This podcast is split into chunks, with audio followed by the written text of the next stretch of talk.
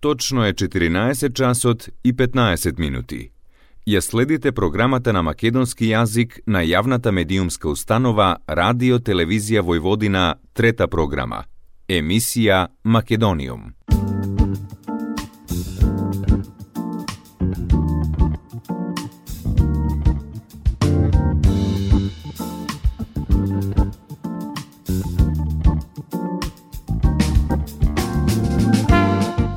Добар ден и добре дојдовте во најновото издание на емисијата Македониум. Со вас, почитувани слушатели, е вашиот уредник и водител Јулијана Милутиновиќ, секоја среда со почеток во 14 часот и 15 минути на фреквенцијата на третата програма на радиото при Радио Нови Сад. Денес во Македониум зборувам со Джија Немин, уметник чија голема желба сето она што како музичко дете во младоста го стекнал и го практикувал да го преточи еден ден во најкомплексниот сегмент од најубавата уметност, музичката уметност, диригирањето. Джија Немин е уметник кој е дел од повеќе значајни проекти во изминатите години, во дел од нив и како оркестратор, привлекувајќи силно внимание на јавноста, а јас имам среќа да го познавам Джијан уште од основното музичко училиште. Концертите Скопје за Бови и Пинк Флойд во градскиот парк во Скопје, потоа музичко-сценскиот спектакл Музика Универзалис во Охридскиот антички театар со еден од пионерите на детроитската техно сцена Дерик Меј, проект на кој што имав чест да бидам на премиерата во Охрид и со кој што го прошета светот, потоа настапот со Белградскиот симфониски оркестар и американскиот диџеј Хуан Аткинс, концертот Париз те сакам по повод денот на влюбените на кој француски шансони беа во аранжмани на Джиан, проект со кој исто така излезе надвор од Македонија. Потоа мултимедијалниот проект Ноеланд Сензориум, што се одржа во мала станица, диригент на симфониски концерти за деца, дел од ансамблот на Сдруженијето на джез музичари на Македонија, кој неодамна се здоби и со статус на национална установа. Ова е се само дел од работата на Джијан. Во разговорот со него можев да откријам дека не може докрај да се набројат сите музички проекти во кои учествувал и се уште работи на нив, но затоа низ нашиот разговор открив многу повеќе од она што го знаеме и го гледаме само на сцена. Затоа е Джијан Емин врвен уметник а како неговата музичка приказна започнала и дали воопшто може музиката да се подели на онаа што повеќе ја сака или помалку. Не знам дали може тоа да се стави на вага. Мене ми е музика супер и класична или не знам сериозна, не знам или за симфониски оркестар музика. И тука ма, и нормално и джез од другата страна најразличен джез, па дури и електронска музика, па и народна музика и world music и не можам да ги ставам на кантар кои ми се подраги стилови или жанрови, и тоа никогаш не сум размислувал во тој правец, па дури пак имаше прилика некош кога размислував зошто е тоа, затоа што јас уште како кога бев детенце, дома кај мене татко ми имаше некои плочи со јужноамериканска музика од група Лос Парагвајос. Нели во тоа време 50-60 години тоа беше супер хит во Југославија сега, нели, Мекси, мексиканска музика, парагвајска, уругвајска, а паралелно имаше и неколку фламенко плочи. Покрај тие плочи имаше и плоча на од Вида Павловиќ, една плоча што е ден денес ја слушам и е тоа чудо од музика, така да препорачувам на сите да ја преслушаат таа плоча. Вида Павлович мислам дека се викаше Теку очи бола или сузе бола, нешто, Теку сузе бола, нешто, нешто некако така.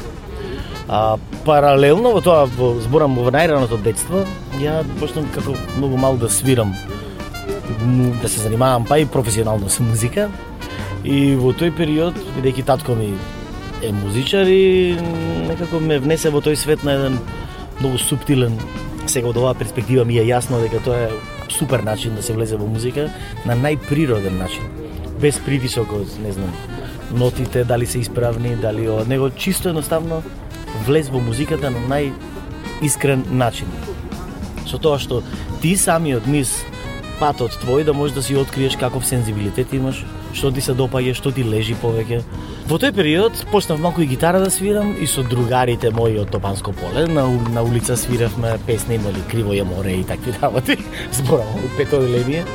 Па не знам, Црвена јабука, Плави оркестар и почнавме да буричкаме Бело дугме и се она што беше актуелно во Југославија во тоа време. И почнавме да буричкаме по плочите на таткото на другарми и отварам една плоча и вака гледам Pink Floyd, што е ова? Dark Side of the Moon. Слушам, пуштаме музика и чутиме цел албум. Па следниот ден слушаме Kraftwerk, па потоа слушаме Led Zeppelin, па слушаме Roxy Music, па слушаме, не знам, ACDC. И така една широка лепеза на запознавање со музиката уште од најрано детство. Мислам дека тоа и по натамошниот мој развој музички, каде што нели, имаше еден голем период кај што свирев по кафани, свадби, ора, чочеци, крштевки и сунети, такви работи. Дополнително со образованието, каде што учам да свирам хорна, каде што нели се занимавам со класична музика, во подоснежниот период од моето свирење хорна и со джез музика почнав да се занимавам со тој инструмент. Меѓутоа во тоа време да, хорна, учам класика па започна во филхармонија да свирам, а паралелно си теравме рок н рол бендови, па джез бендови, па авторски музики се. И некако ја тоа го гледам како среќа голема за мене, бидејќи успеав да си останам во музика, а и да можам да си играм, да си правам, сега, сега свирам народна музика, сега свирам хардкор джез, фри джез, сега ќе свирам класична музика, сега ќе правам наква музика, сега накви, некако ја мене ми е тоа како игра, и се забавлям во, по, во посто, постојано ми стои процес и никако не можам да кажам дека ова ми е подобро или подобро. Зашто во класичната музика има дела класичната музика исто не ми се допаѓа тој термин, затоа што класична музика алудира само на еден период од историјата на уметноста, класицизмот. Исто така ако кажам, ако некои го нарекуваат сериозна музика, исто така не ми се допаѓа тој термин бидејќи тоа не е само сериозна музика, има таму сериозен и хумор и сатира и романтизам И е, не знам како треба да се најде некој здрав термин, може би лингвистите ќе најдат терминологија вистинска за да можат да најдат право име на тој вид на музика, симфониска музика или не знам, камерна музика, музика за хори, оркестар и така натаму. Има неверојатни дела, неверојатни дела. И сега ја тоа никако не можам да го ставам на вага со музиката на Дюк Елингтон или Чарлз Мингус, тоа не, не, не дека ова е лошо, него ова е толку добро што не можам да кажам ја дека ова е подобро, ова е полошо. Та невозможно е да се каже. А среќен сум што можам да уживам и во двете работи. Македониум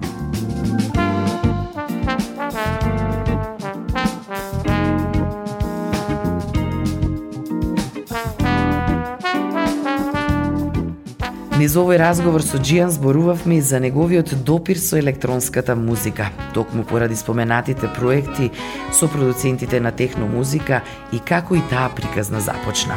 Со електронската музика моите е да кажам почетоци или моето моето прво соочување со електронска музика е многу дамна, тоа е веќе од 90-ти некоја година кога имав нели синтесајзер, кога почнам и воопшто да се занимавам со музика сериозно професионално. И во тој период и во самиот почеток на работата на проект Жлуст, првиот албум кој што е снимен во живо на Кумановскиот джез фестивал, ние користиме многу електроника на, на, тој, на тој, тој материјал. Во тоа време многу се откачувавме на Future Sound of London, на Orbital, Chemical Brothers, Underworld и такви нели The Art of Noise и таков по, пошир, па дури нели Massive Attack исто е тоа, Бьорк, ние и, и од тогаш и дон денес јас и во мојата музика која работам, се уште користам електроника, меѓутоа може би не дека денес електрониката знаеш и сама има милиарда жанрови, поджанрови, стилови, подстилови. Мислам тоа е супер и јас се радувам на тоа. Меѓутоа во тоа време пак некако беше во зачеток и во подем таа цела култура, од која што најголема сила зема нели или амбиенталната музика или зема денс, така наречената денс, денс култура. Тоа што ние го правевме со проект Жлуст и начинот на кој што користевме електроника беше на сосема друг начин. И, и нам ни беше многу интересно, бидејќи имавме такви алатки и можеме да ги користиме. А, потоа, кога дојде време да работим, да го работам проектот со Дерик Мей, бидејќи за мене тоа е многу важен проект, бидејќи тоа е прв проект во мојот живот што го работам сам. До таа точка работам цело време со другарите, банда, овој бенд, оној бенд, два по трио, квартет, пинтет, оркестри, заеднички, а ова беше прв проект кој што јас сам го креирам и сам го продуцирам. И некако беше многу, мислам, беше возбудливо за мене Ептен, бидејќи тоа е и прв концерт што го диригирам во мојот живот, Патари. И беше ја се возбудив, се сеќавам, значи јас поминав мислам дека може би едно 5 или 6 месеци само слушање и размислување и истражување на таа тема како да го како да пристапам воопшто кон кон начинот на изработката, нели уметнички аспект, кон припремата на оркестрациите и како тоа би било. Бидејќи знаеме дека нели денс музиката е во основа доста монолитна и е доста репетитивна и има нели елементи на минимализам. И сега имаме оркестар каде што имаме многу оркестарски групи, многу солисти кои што треба да имаат некаква работа во тоа, не да свират само тет тет тет тет тет тет тет, тет. значи мора да нешто да прават. И некако ја почнав да се зезам. да си свирам, да си додавам работи на самата матрица, условно кажано, која што да речеме Дерик ми ја бракеше, е, вика, на ова ствар направи што мислиш. Па ја почнав да правам, да додам, да додам, да додам, да додам. И во еден момент што сам ја се, сега од оваа перспектива ми е јасно што сум правил, меѓутоа тогаш кога тоа се случувало, ја сум се занесувал, сум се се откачувал и некако сите работи кои што сум ги направил, сите работи се останати внатре, ништо нема извадено И тоа е супер, бидејќи кога му пуштив на Оги, бидејќи ова беше на Оги Оги Музуновски, негова идеја и иницијатива да се направи, он беше фасциниран и беше пресреќен. Ја искрено немав појма што е тоа што го правам и како тоа ќе звучи, како тоа ќе го примат луѓето и Оги беше фасциниран и кажа веќе ќе виш ова ќе има светски одзив и навистина така излезе. Среќа и тоа е голема за мене зборам. Поготово што од, од многу аспекти е за мене важно тоа бидејќи едно што е прв концерт што го работам сам, прв проект без соработка со други колеги прв концерт што го диригирам, каде што во тој период уште учев нели, на факултет, втора година. И веднаш, после месец дена од кога имавме концертот во Охрид, имавме концерт во Гент, каде што јас како диригент, студент, имав прилика да диригирам со Фландерс симфони оркестра. Тоа е сериозен оркестар. Имавме концерт во црква во град во градчето Гент така некако тргна тоа се фантастично и прекрасни искуства и прекрасни спомени во сета.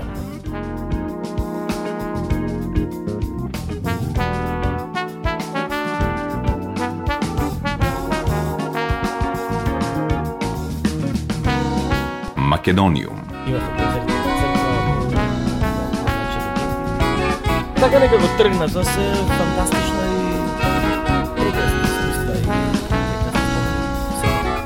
не можев да го заобиколам прашањето за нашата традиционална или народна музика и дали има песни кои му се особено драги. Не една, многу има. Прво оние што се нели така наречени традиционални песни за кои што не се знае кои се автори, има многу такви. Потоа има еден период каде што нели се појавуваат композитори кои што компонираат како што се нели од времето на Бадев и Сариевски. Сариевски. Е така кај што уствари почнува да се гради една македонска народна музика. И тоа е прекрасен период и во тој, од тој период, поготово низ песните на Бадев, јас влюбив во таа музика и тоа ми останато за секогаш. Има некои песни, тешка беше нашата разделба, на пример, Кирајджиче, или не знам, па и во тоа. И дури на прв пат кога ја видов песната, слушам кај шумат шумите, и тоа ми е мене фантастична музика.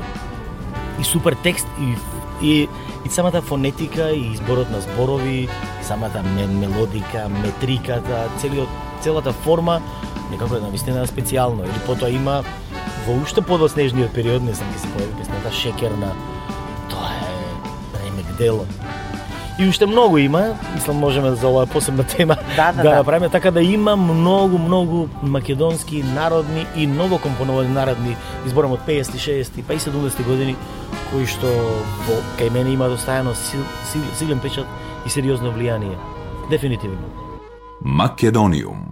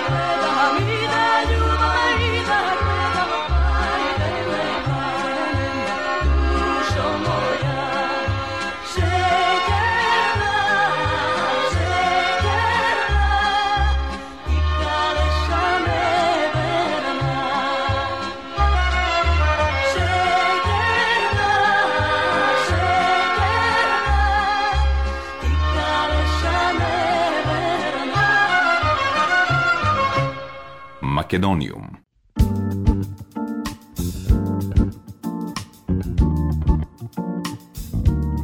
Во денешното издание на емисијата Македониум зборувам со Джијан Емин, уметник од светски ранг, а наш. Джијан има прилики да соработува со многу квалитетни имиња од нашата и светска сцена. Во тој контекст зборувавме и за тоа со кого би работел можеби во иднина. Има многу музичари од зборувам од нели цел свет со што би сакал би сакал јас да, да имам прилика да работам.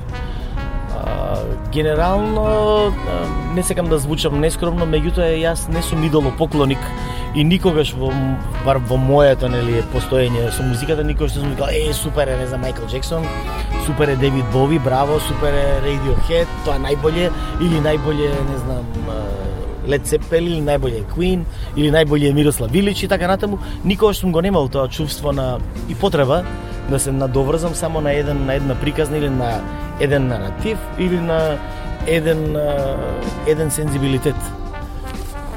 И и од и од тој контекст некако сега не знам, предпоставувам, сега си правам сам психоанализа.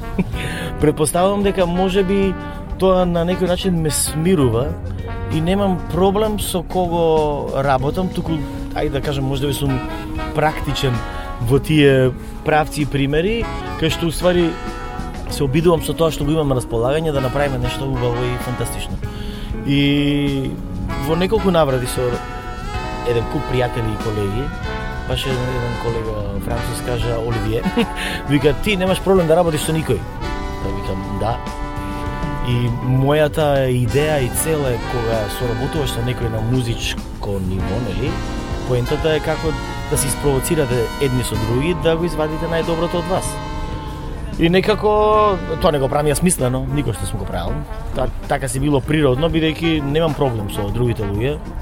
Кој има проблем со мене, тоа е негов проблем, не е мој.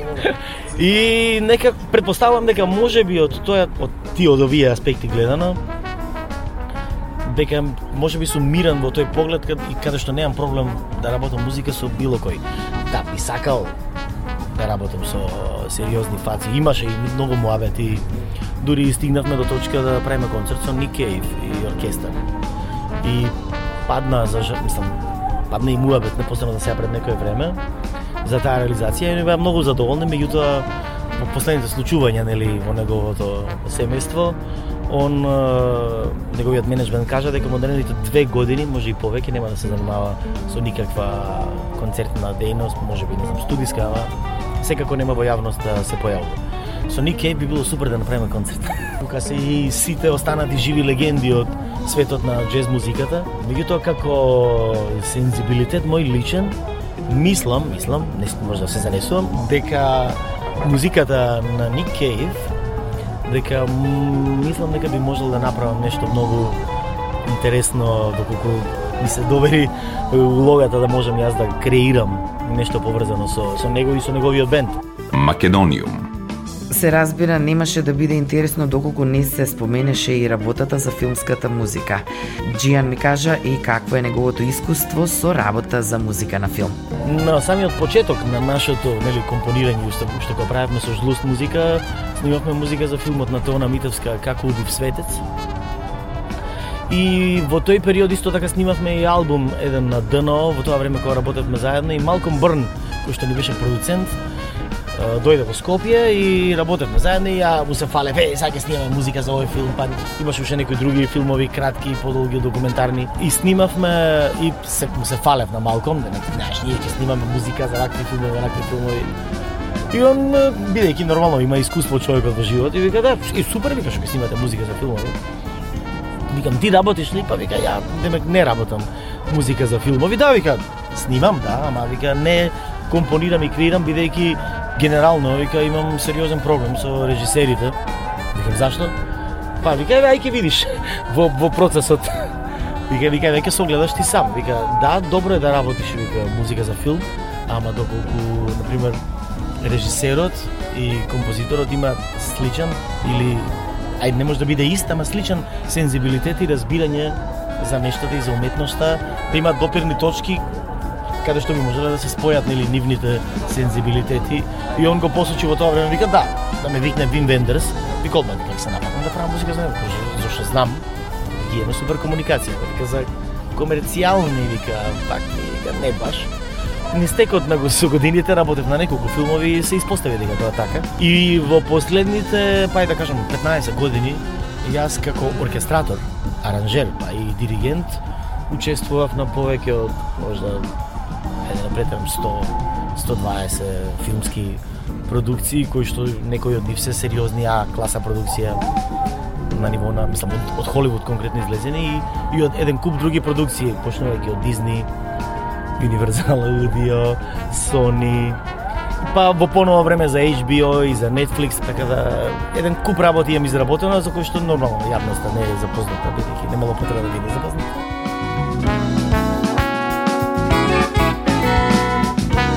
Македониум.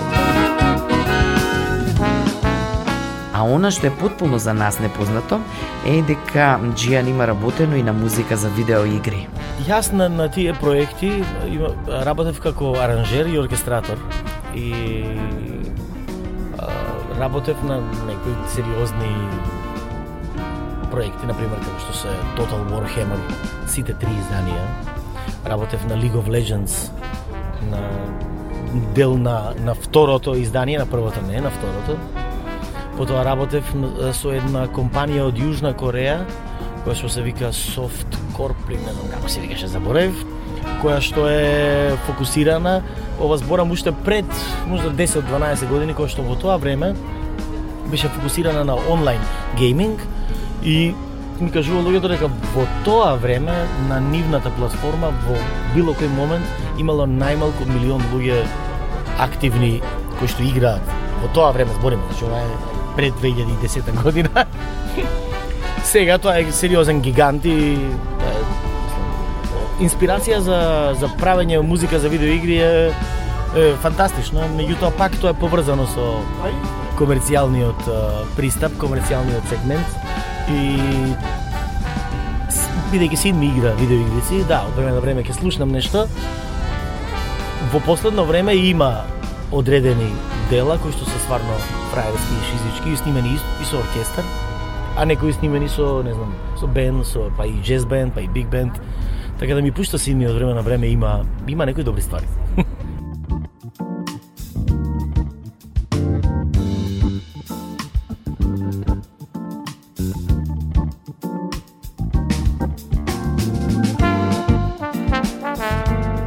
Пред крајот на нашиот разговор го прашав Джијан кога планира повторно да дојде во Нови Сад. А, имаше еден муавет со еден колега, пријател од Нови Сад пред еден месец, така да многу е возможно да имаме неколку концерти оваа година во, во Србија. Да. Не можам да кажам се уште ништо, бидејќи тоа се се уште на ниво на прелиминарен договор, така да ма да, конкретно баш еден човек кој што се занимава со со овој свет оркестарскиот, каде што ете јас работам хибридни проекти, тој ме повика да работиме заедно, па така да ќе видиме како ќе се развива таа приказна. Мислам позитивно, бидејќи тој ми се јави по не знам, иницијатива на некои други луѓе и воспоставивме комуникација и треба да дојде во Скопје да правиме музика. Македониум.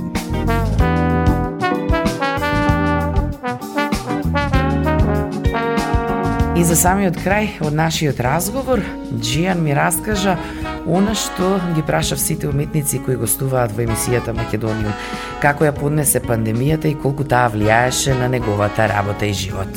Ние малку, бидејќи нели беше корона, така, и малце се уседевме дома и и покрај тоа што нели тоа стварно беше ужасен период корона, меѓутоа за мене беше многу фино, бидејќи ја сум презафатен како музичар, уметник, човек што делува на сцената и ова беше прекрасен момент да можам со семејството да си поминувам па една година заедно цело време од Сабајле до Сабајле. Тоа беше преубав момент.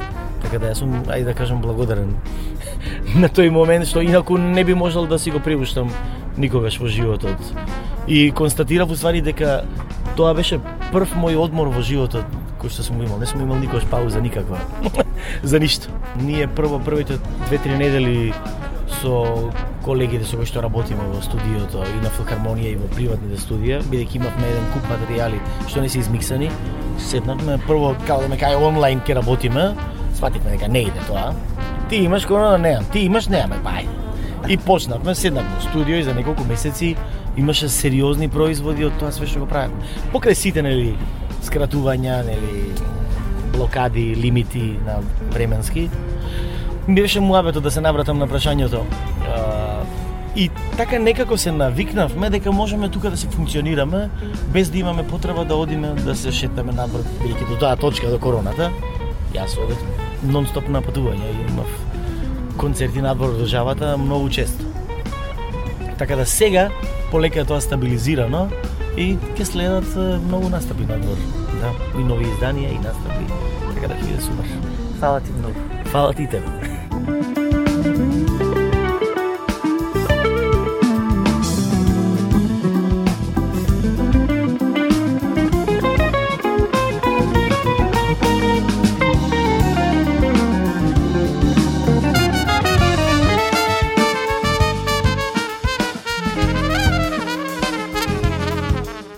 Почитувани слушатели на Македониум, денеска ни гостуваше Джијан Емин, мој драг пријател, уметник од светски ранга наши, можам со задоволство да кажам дека бев пресрекна што конечно најдовме време и да снимиме еден разговор за Македониум.